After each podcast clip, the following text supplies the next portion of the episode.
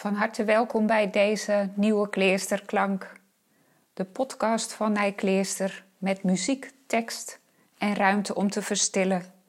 Fijn dat je luistert en zo met ons verbonden bent.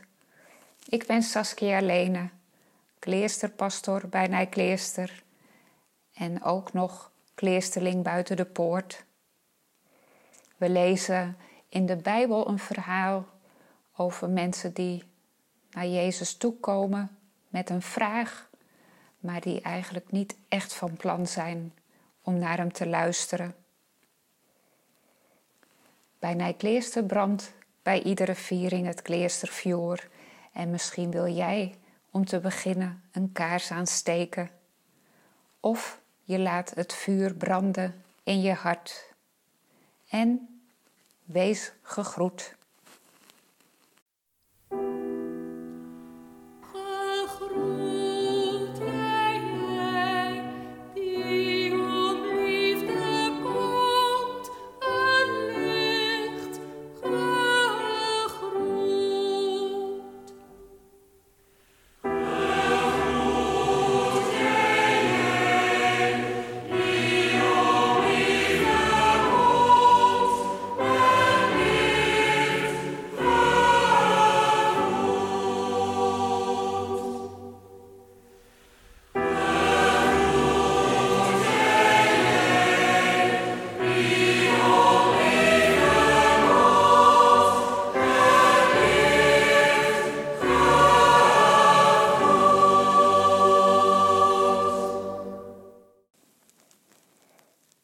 Leven in een tijd van grote, grote zorgen over onze wereld. Daarom lees ik deze eeuwenoude hartekreet, Psalm 12, in de bewoordingen van Huub Oosterhuis. Onkreukbare woorden, waar ben je? Betrouwbare vrienden, bezweken onder een spervuur van tongen. Bestendig is niemand, bestendig is enkel de vuurstenen leugen. Hij zal ze, die goden der aarde, die gluipen, die mooi praten, moorden, die slaan met stomheid de armen, die denken, mijn woord is het laatste, hun tongen uitdrukken zal hij. Hij zegt, ik hart het niet langer, dat kermen van weerloze kinderen. Ik weet wat recht is, menswaardig, ik ken de afgrond der harten. Ik kom met vuur uit de hemel. Zijn woord is geen woord als van mensen. Het is bevochten, gelouterd in wanhoop en moeten aanzien, in dulden, hopen, vergeven. Het doet. Het wijkt voor geen wereld. Voor ons, die ontroostbaar, hoe lang nog, niet weten, niet zien, toch geloven dat ooit zal opdagen uw waarheid.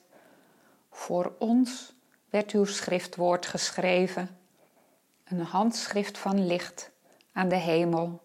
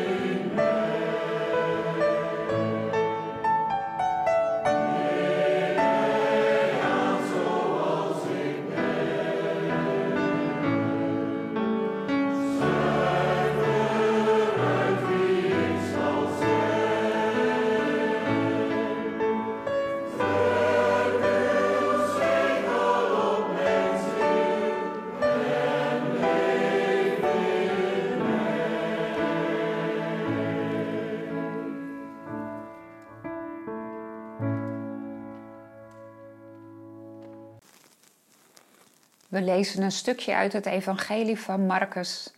De mensen die Jezus een vraag voorleggen, zijn helemaal niet uit op een echt gesprek. En we horen hoe Jezus daarmee omgaat. Ze stuurden enkele van hun leerlingen samen met een aantal Herodianen naar Jezus toe met de vraag: Meester, we weten dat u oprecht bent en in alle oprechtheid onderricht geeft over de weg van God. U trekt u niets aan van het oordeel van anderen, want u ziet niemand naar de ogen. Zeg ons daarom wat u vindt.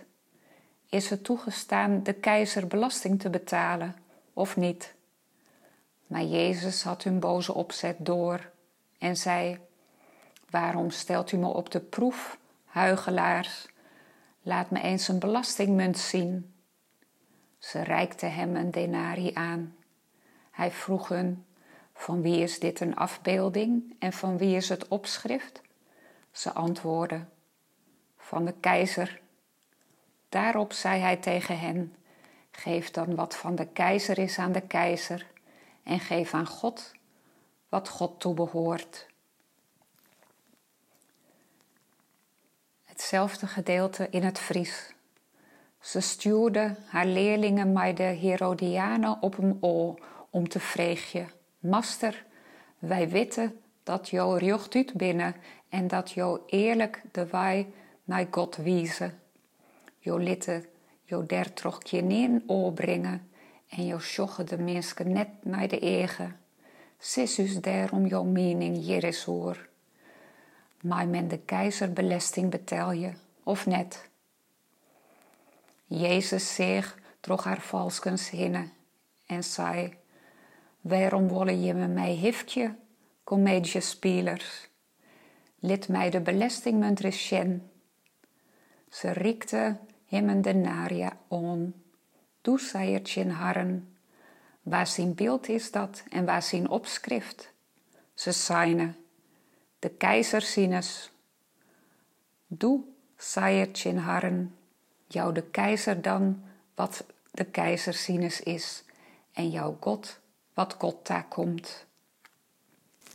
Er is nu een korte stilte gevolgd door het lied Laudate.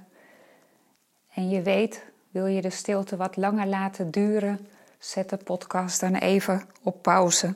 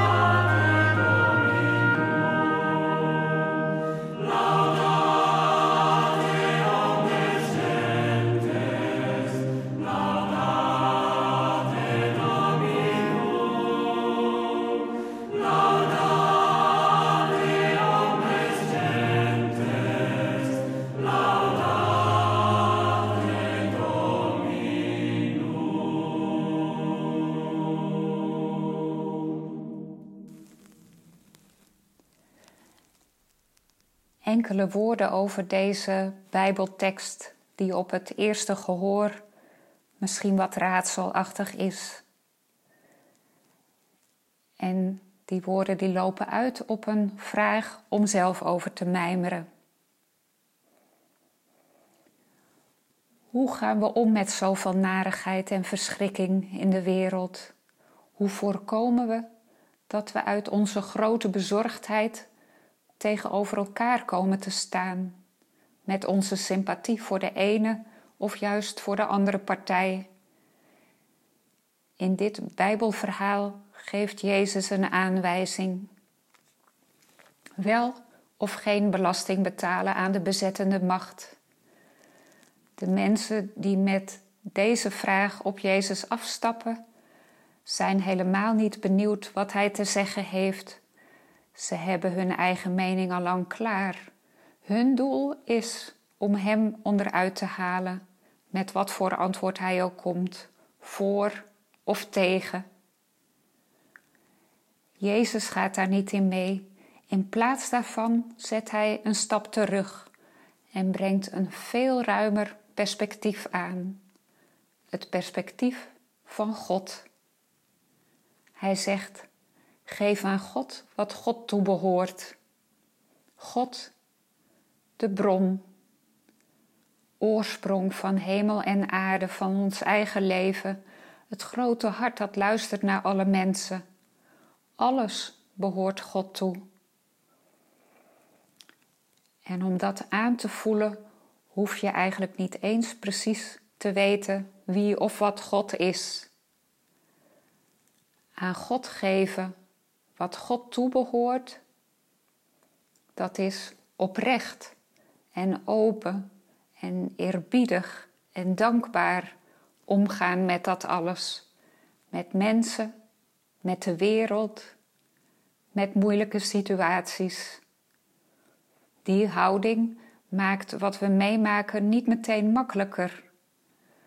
Maar het helpt ons wel om geworteld te blijven en in verbinding te blijven met het grote geheel. Mijn vraag aan jou is: God geven wat God toebehoort. Wat betekent dat in deze periode concreet voor jou?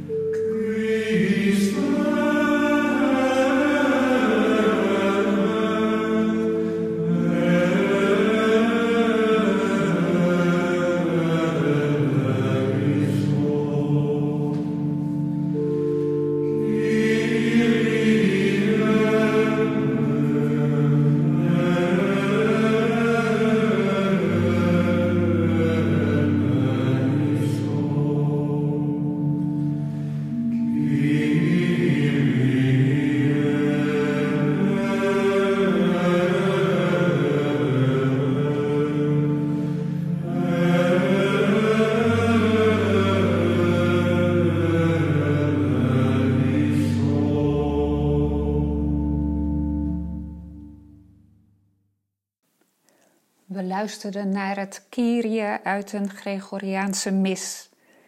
En nu gaan we verder met het bidden en zingen van God van Vierenhain Usheid, het Onze Vader in het Fries.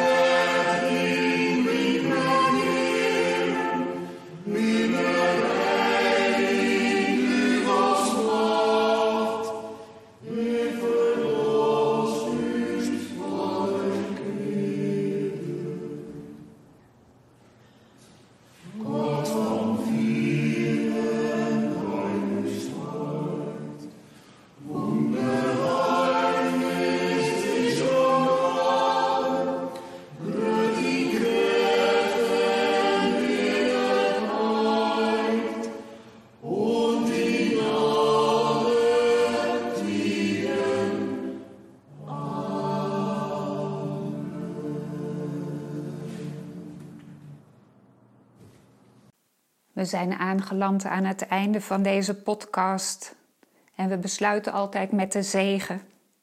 Een zegen, dat is de wens dat het je goed mag gaan en dat je geworteld mag blijven, hoe het ook met je is en waar je ook bent, in de vrede van God.